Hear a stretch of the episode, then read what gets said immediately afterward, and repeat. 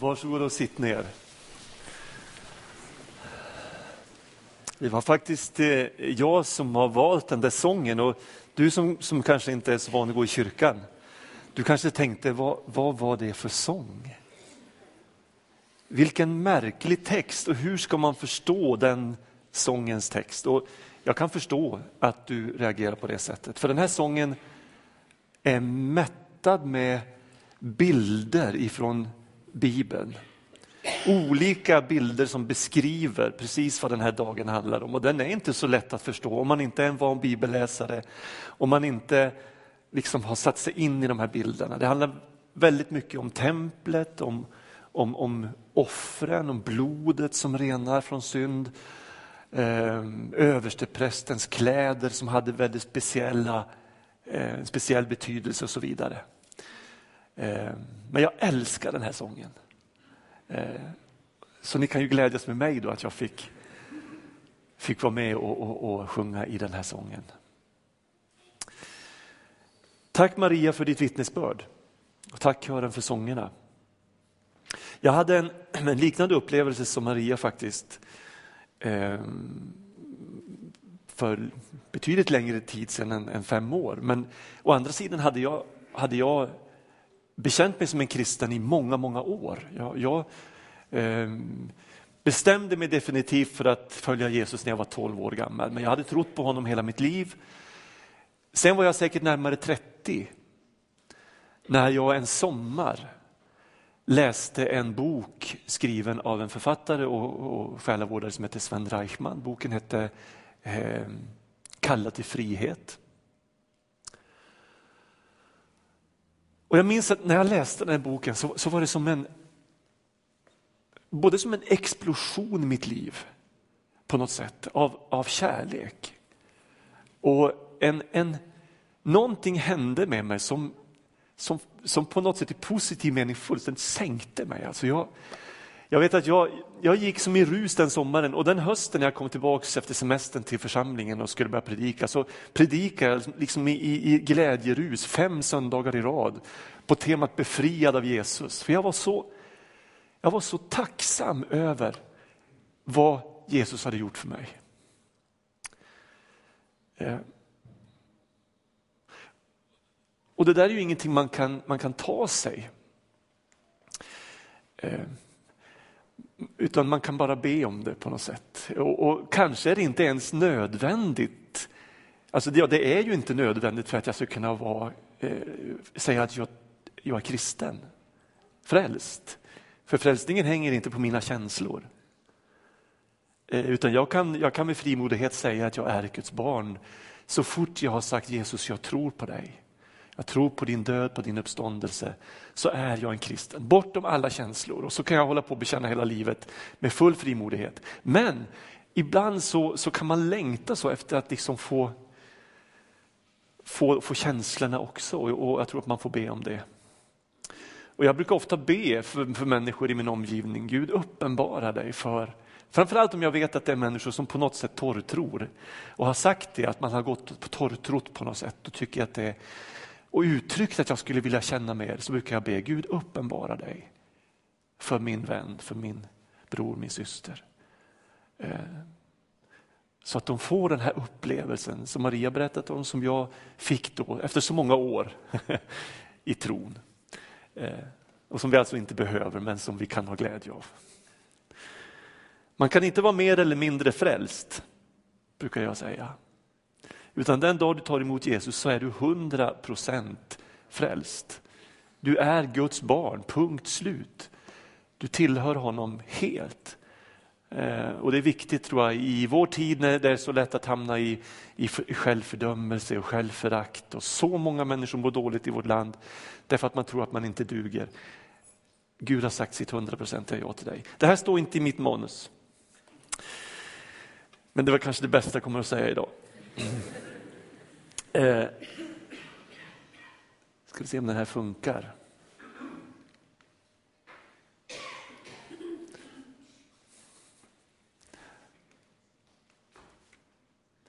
Där har vi två bibeltexter. Vi har hört Andreas läsa texten eh, ifrån Lukas evangelium som handlar om Jesu korsfästelse. Jag ska läsa två texter till. Den ena är den text som ligger till grund, ni som nu läser 100 dagar med Jesus, Eh, en bok som vi i församlingen läser under den här våren och som präglar våra gudstjänster. Eh, ni har läst sju kapitel den här veckan på temat Se Guds lamm som tar bort världens synder.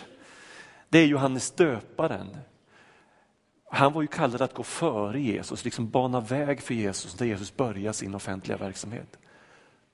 Och när han vid ett tillfälle ser Jesus så säger han till folket, se Guds lamm som tar bort världens synder. Romarbrevet 3, det är ett brev av Paulus. Och jag läser ifrån en, en parafras, bibelparafras som heter En levande bok. Och det står det så här. Det finns en utväg. Gud har visat oss hur vi kan bli rättfärdiga. Vi blir inte frikända från Guds dom genom att hålla hans lagar och vara tillräckligt goda, utan genom en annan väg. Det är en väg som lagen och profeterna talade om för länge sedan. Nu säger nämligen Gud att han vill ta emot oss och frikänna oss. Förklara oss icke skyldiga om vi tror på att Jesus tar bort våra synder. Och vi kan alla bli frikända på samma sätt genom att komma till Kristus. Det spelar ingen roll vilka vi är eller hurdana vi har varit. Alla har syndat och saknar därför den likhet med Gud som vi är skapade att ha. Nu ger han oss en möjlighet som vi inte förtjänat, nämligen att ställa allt till rätta genom att vi accepterar vad Jesus har gjort för oss. Gud sände Jesus Kristus för att friköpa oss från våra synder. Men vi måste tro på detta för att hans blod ska bli det offer som räddar oss från Guds vrede. Jag ska idag eh, försöka tala om lite grann om hur Jesus dog. Och det kan kanske någon undra, vad har det för betydelse? Ja, det kanske har betydelse för någon.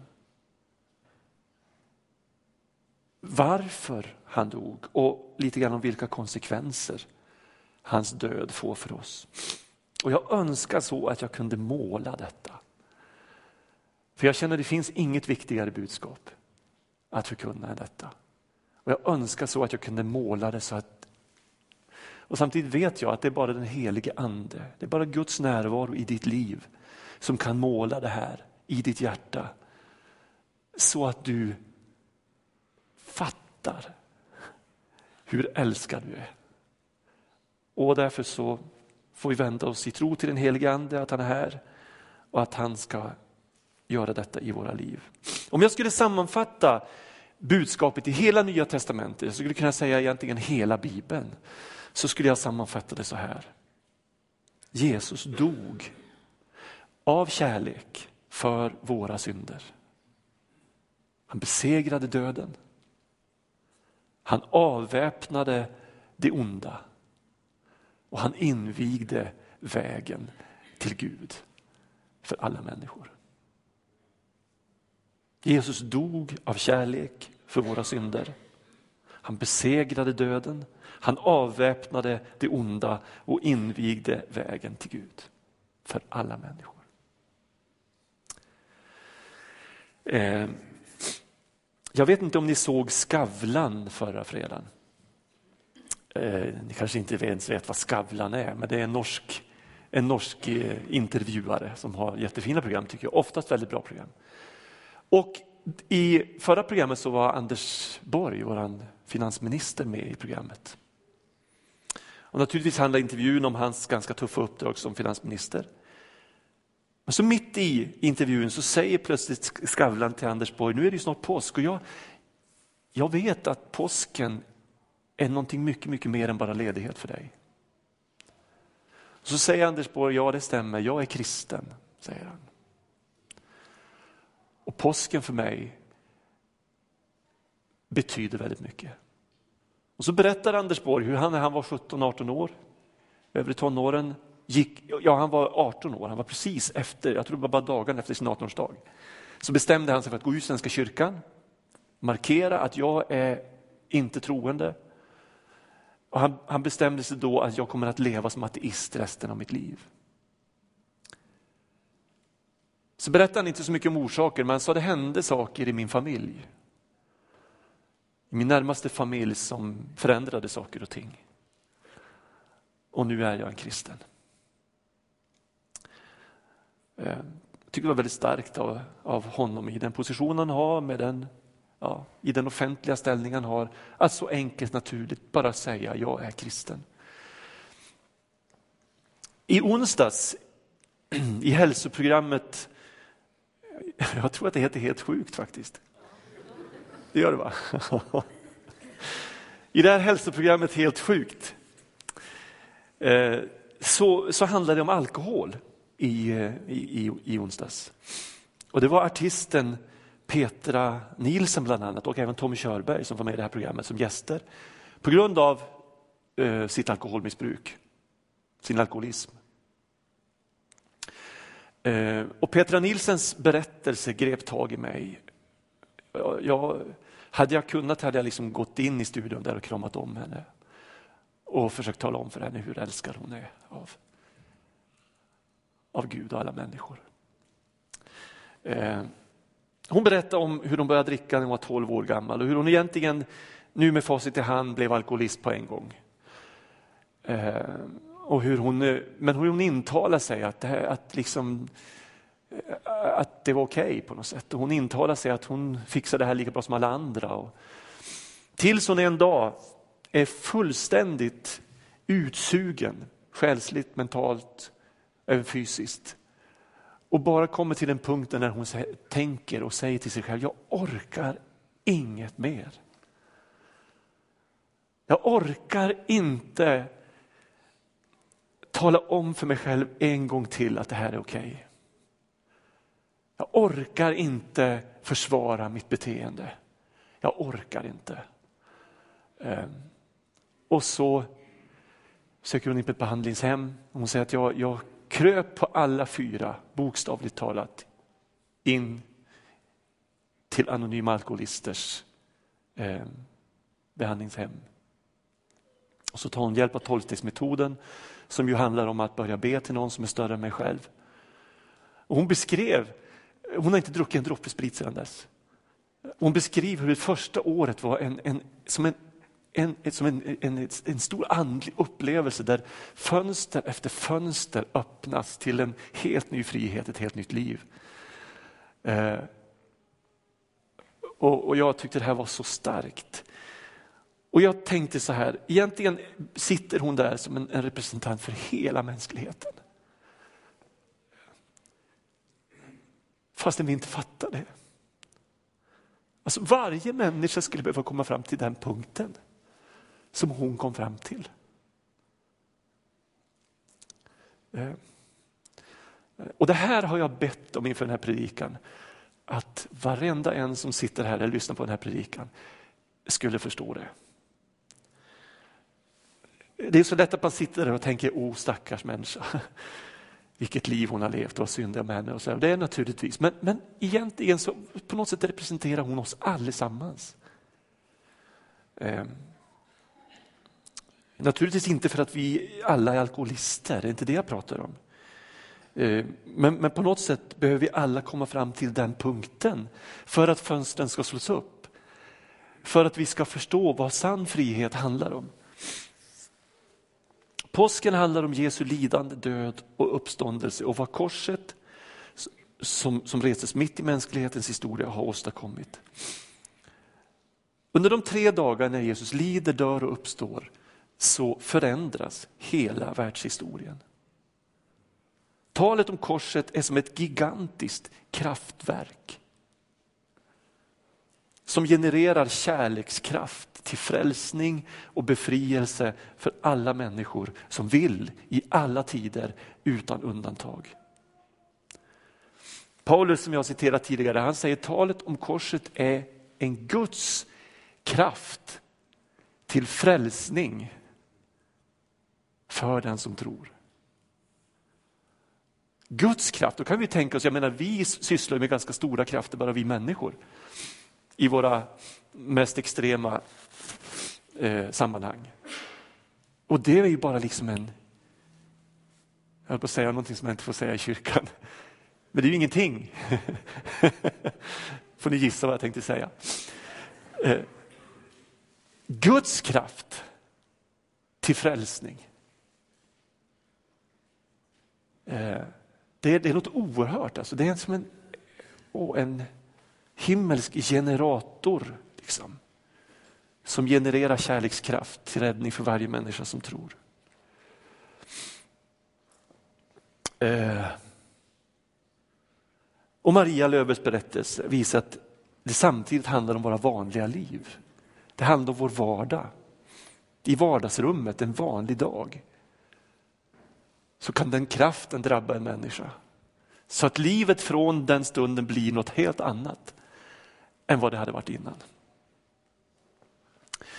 De här texterna jag har läst de, de, de eh, försöker förklara det här med hjälp av bild, bildspråk. De här texterna som står där. De, de fyra nedersta raderna där. eh, från eh, nu, ja de fem nedersta raderna, nu ger han oss möjlighet oss framåt. Innehåller åtminstone tre bilder, tre olika bilder som ska försöka förklara vad Jesu död och uppståndelse betyder. Den ena bilden handlar om att, att vi är benådade i, i, i en domstol. Eh, egentligen att någon, domen fälls, men någon säger jag tar straffet. Betala liksom. Tänk dig att bli dömd till böter, kommer någon och säger okej, okay, det gick inte att döma till något annat än böter, men jag betalar den. Och jag på något sätt kom, kom, gå fri trots att jag egentligen borde dömas. Den andra bilden i den här texten eh, handlar om att jag blir friköpt från ett slavkontrakt. Eh, jag befinner mig på slavmarknaden, jag ska sälja mig själv och någon kommer och köper mig. Inte för att förslava mig utan för att befria mig ifrån detta slavkontrakt och sätta mig och göra mig till en fri människa. Och, och den tredje bilden är, är det här med blodet. Då. Eh, hans blod blir det offer. Och det här handlar om, om, eh, om, bilden från, från templet, från offertjänsten i templet i Gamla Testamentet. Att Jesus är på något sätt, allt, alla andra offer som har gjorts genom historien har bara varit någon sorts symbol. För han är, han är Guds offerlamm av evighet. Som har offrats för att hans blod ska försona hela mänsklighetens synd. Eh, och tanken är ju då att det här templet som fanns på jorden, som var gjort efter en avbild av Guds instruktioner, bara är på något sätt en bild av det verkliga templet. Det verkliga offeraltaret som finns i himlen och där lammet har slaktats och offrats för vår skull. Och De här bilderna är jätteviktiga för att vi på något sätt ska få förstå mera av vad Jesu död betyder. Jag har läst någonstans att den östliga kyrkan, alltså den ortodoxa kyrkan i världen, som ju är en ganska stor kyrkorörelse, och den västliga kyrkan med katolska kyrkan och protestantismen och, och den rörelsen som vi är en del av, betonar lite olika sidor av vad Jesus gjorde på korset. Den östliga kyrkan lägger väldigt mycket betoning på att i sitt lidande, sin död och sin uppståndelse så gick Jesus in och besegrade den onde. Eh, och, och det står ju i Bibeln att, att han, han, han har avväpnat de onda makterna. Han har trampat dem under sina fötter eh, och besegrat dem. Och det här, jag tycker om den tanken, därför att det, åtminstone i mig så föder den en väldig glädje. Tänk att han har besegrat det onda. Han har på något sätt gått in och, och, och tagit tillbaka sin egendom. Han har ryckt oss ur den ondes klor och befriat oss. Medan den västliga kyrkan väldigt mycket har betonat att Jesus dog för mina synder. Han tar min skuld och lyfter av den för att jag ska bli fri. Och Det är också ett fantastiskt budskap.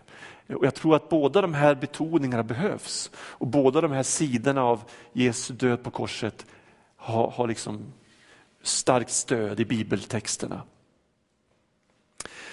Hade inte Jesus dött korsdöden så hade ondskan, mörkret och döden segrat. Hade inte Jesus dött så hade vi förblivit förslavade utan hopp om befrielse, kvar i våra synder och evigt skilda från Gud. Jag ska med några bilder eh, berätta lite grann om hur Jesus dog. Rättegången som Andreas läste om eh, mot Jesus var ju ett justitiemord utan motstycke. Man, man riktade falska anklagelser mot Jesus. Man hade egentligen ingenting att komma med. Ett korrupt rättsväsen dömde och straffade den oskyldige Jesus för att försöka oskadliggöra honom. Motivet var både populism och rädsla och feghet. Där ser ni Pontus Pilatus peka på Jesus.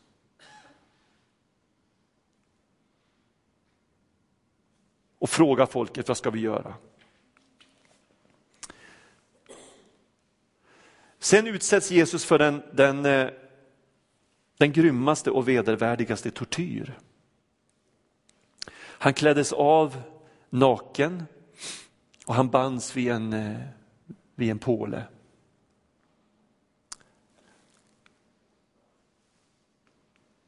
Och där pryglades Jesus med en läderpiska med ett flertal läderremmar försedda med, med vassa benbitar.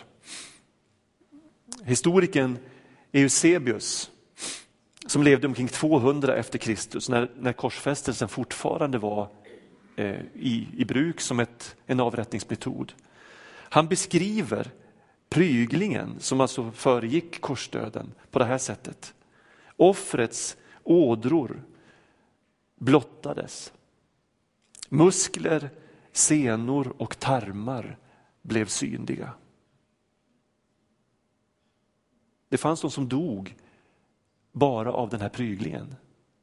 Så fruktansvärt grym var eh, den här behandlingen.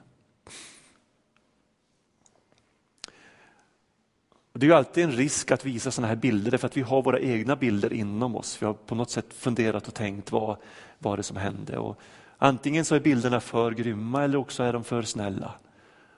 Och egentligen tror jag inte att man kan beskriva vad som hände tillräckligt grymt.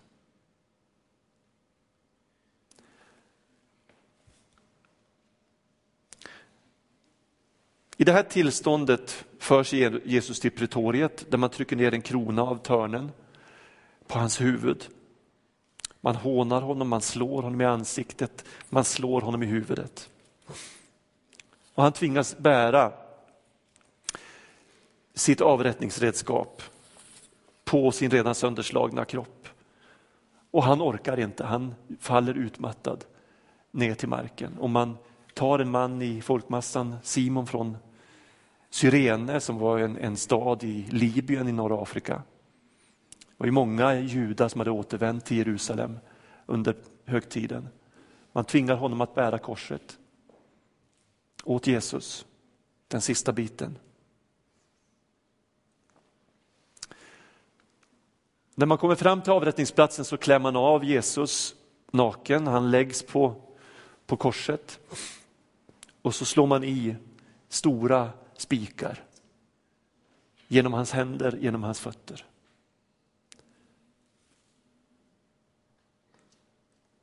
Och sen reser man korset, man sätter den i en sockel i marken. Och där hängde sen Jesus i oerhörd hetta. Olidlig törst, omgiven av en folkmassa som hånar honom, som eh, skrattar åt honom driver med honom, förlöjligar honom på alla sätt. Där fanns naturligtvis också de vars liv eh, hade förvandlats av mötet med Jesus. Och man kan inte ens tänka sig in i känslan hos till exempel Maria Magdalena när, när hon står där.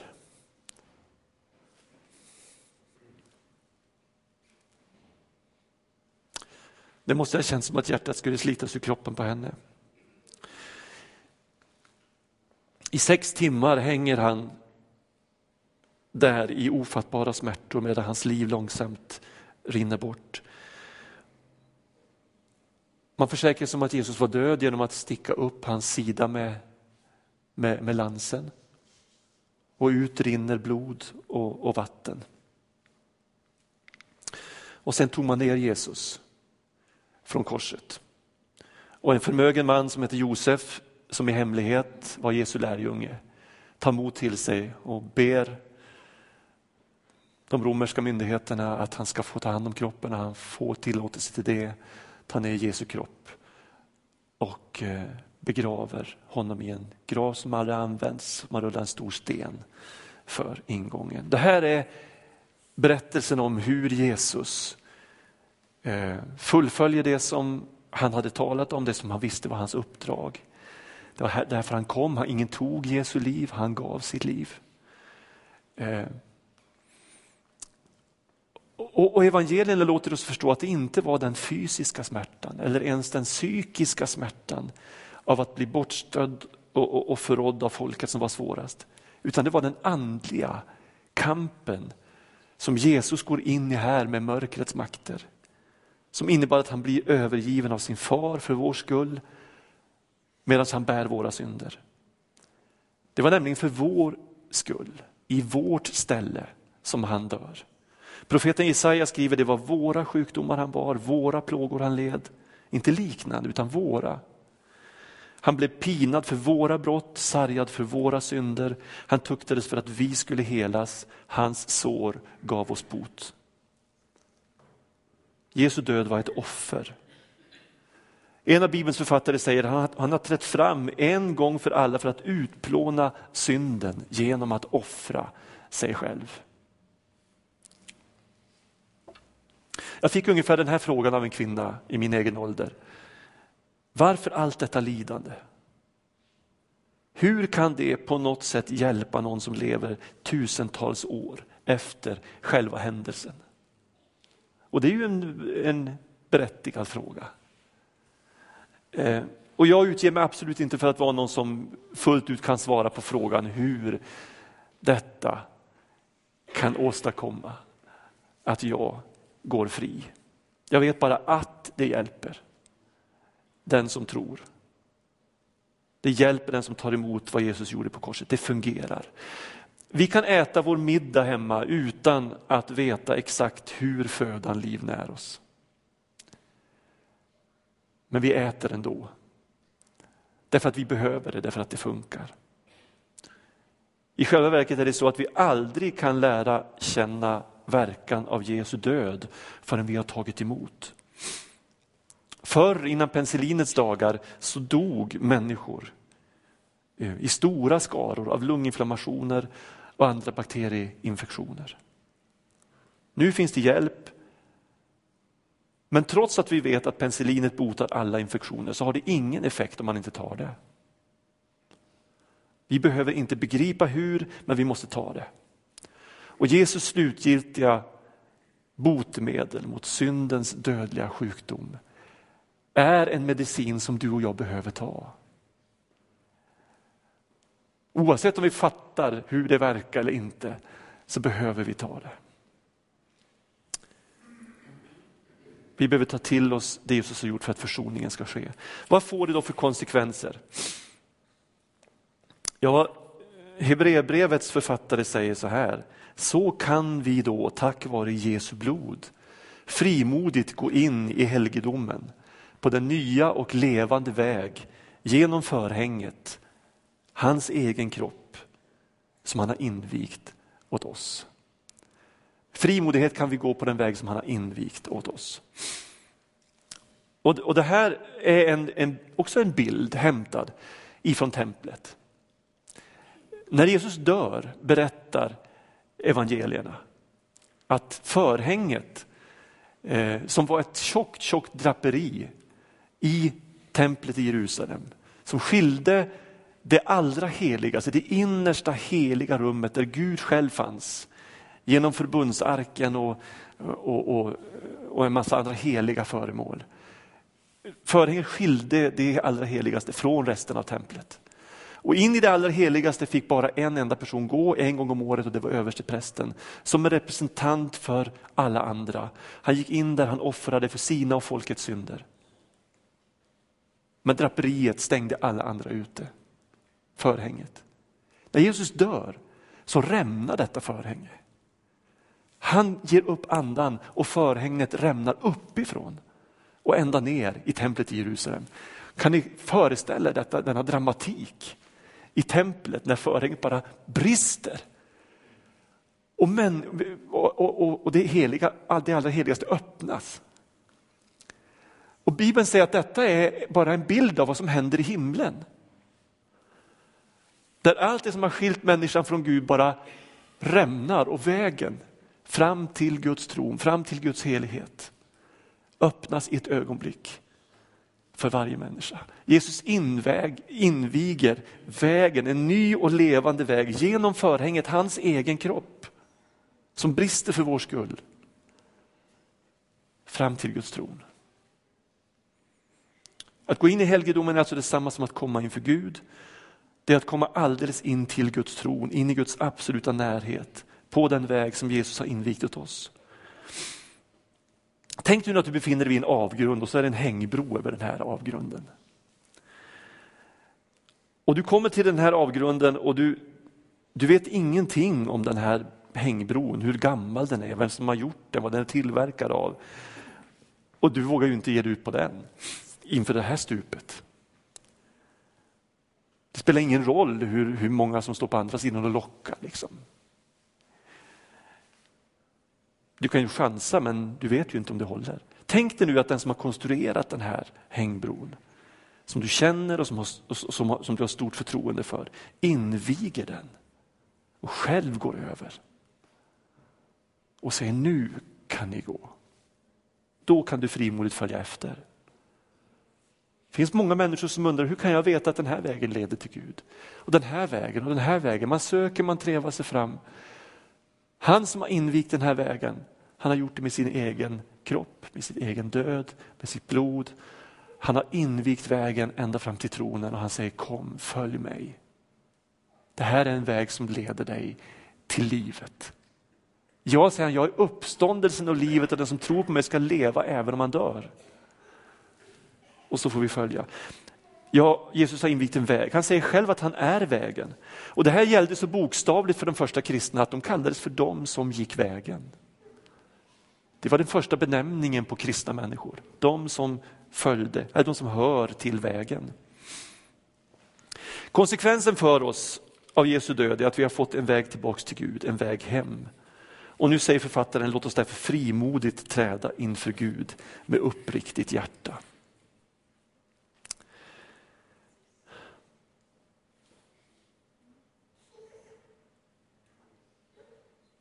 Och nu ska jag hoppa över lite grann och så går jag på avslutningen.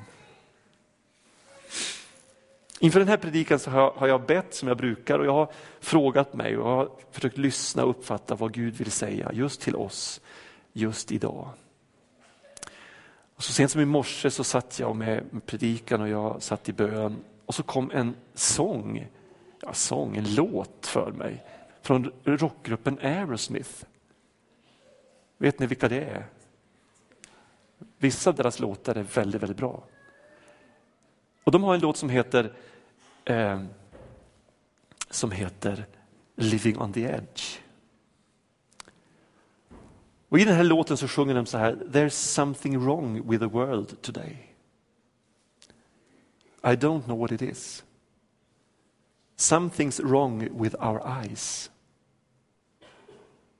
We are living on the edge, on the edge. Alltså, det är väl någonting fel med världen. Jag kan inte sätta fingret på det, men det är någonting med våra ögon. Vi lever på en, på en knivsudd, på en ägg. Och så handlar den här sången om en sorts självinsikt över att det är någonting som inte bara är fel med världen, någonting som är fel med oss. Med oss. Och så återkommer jag till det här som Petra Nilsen berättade. Den insikt hon har gjort, som jag tror varje människa skulle behöva komma till insikt om. Och jag fick ett bibelord. I första Johannes brev så säger Johannes så här i det första kapitlet och den åttonde versen.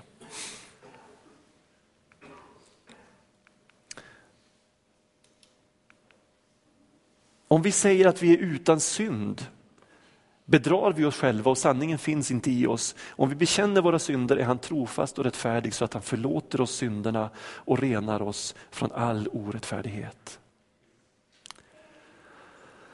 Någonting har blivit så fel i människors uppfattning om kristen tro i vårt land.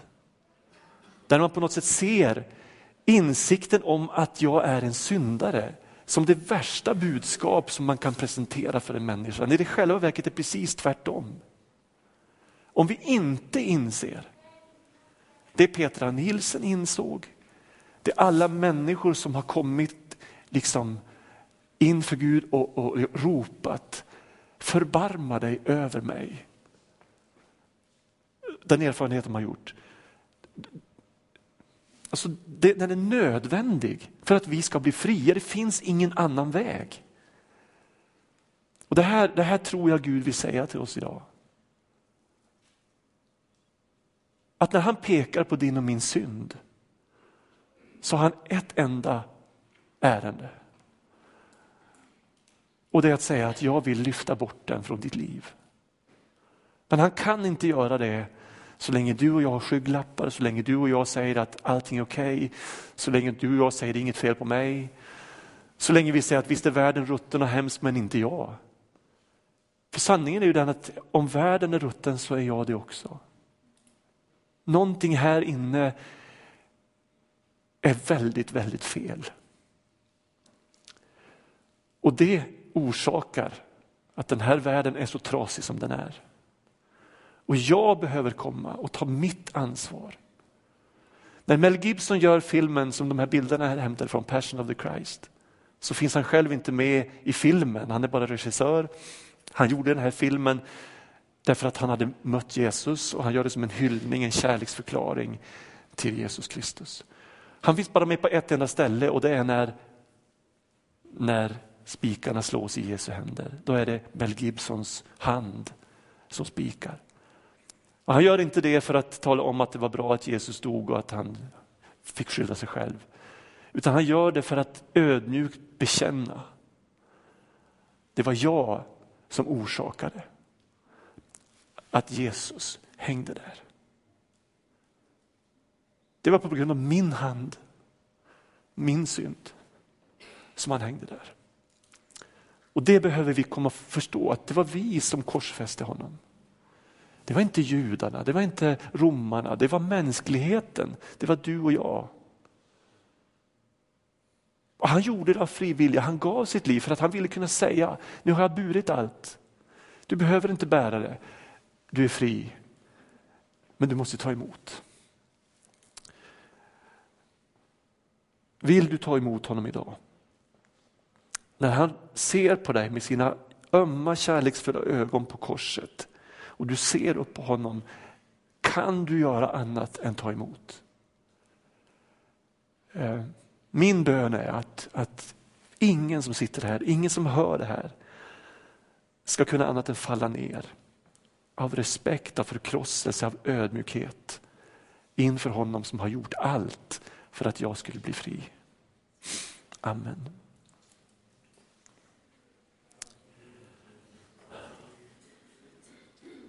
Jesus Kristus, tack att din seger är fullkomlig. Det är fullbordat. Och från den stunden när du eh, gav upp andan så finns det inte en enda synd på den här jorden som inte du vill förlåta. Det finns inte en enda människa, varken före eller efter att korset restes, som inte kan få nåd.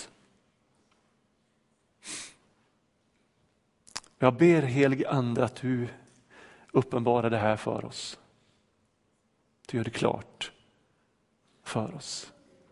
Att du har invigt vägen till tronen och att ingen någonsin kan stänga den vägen.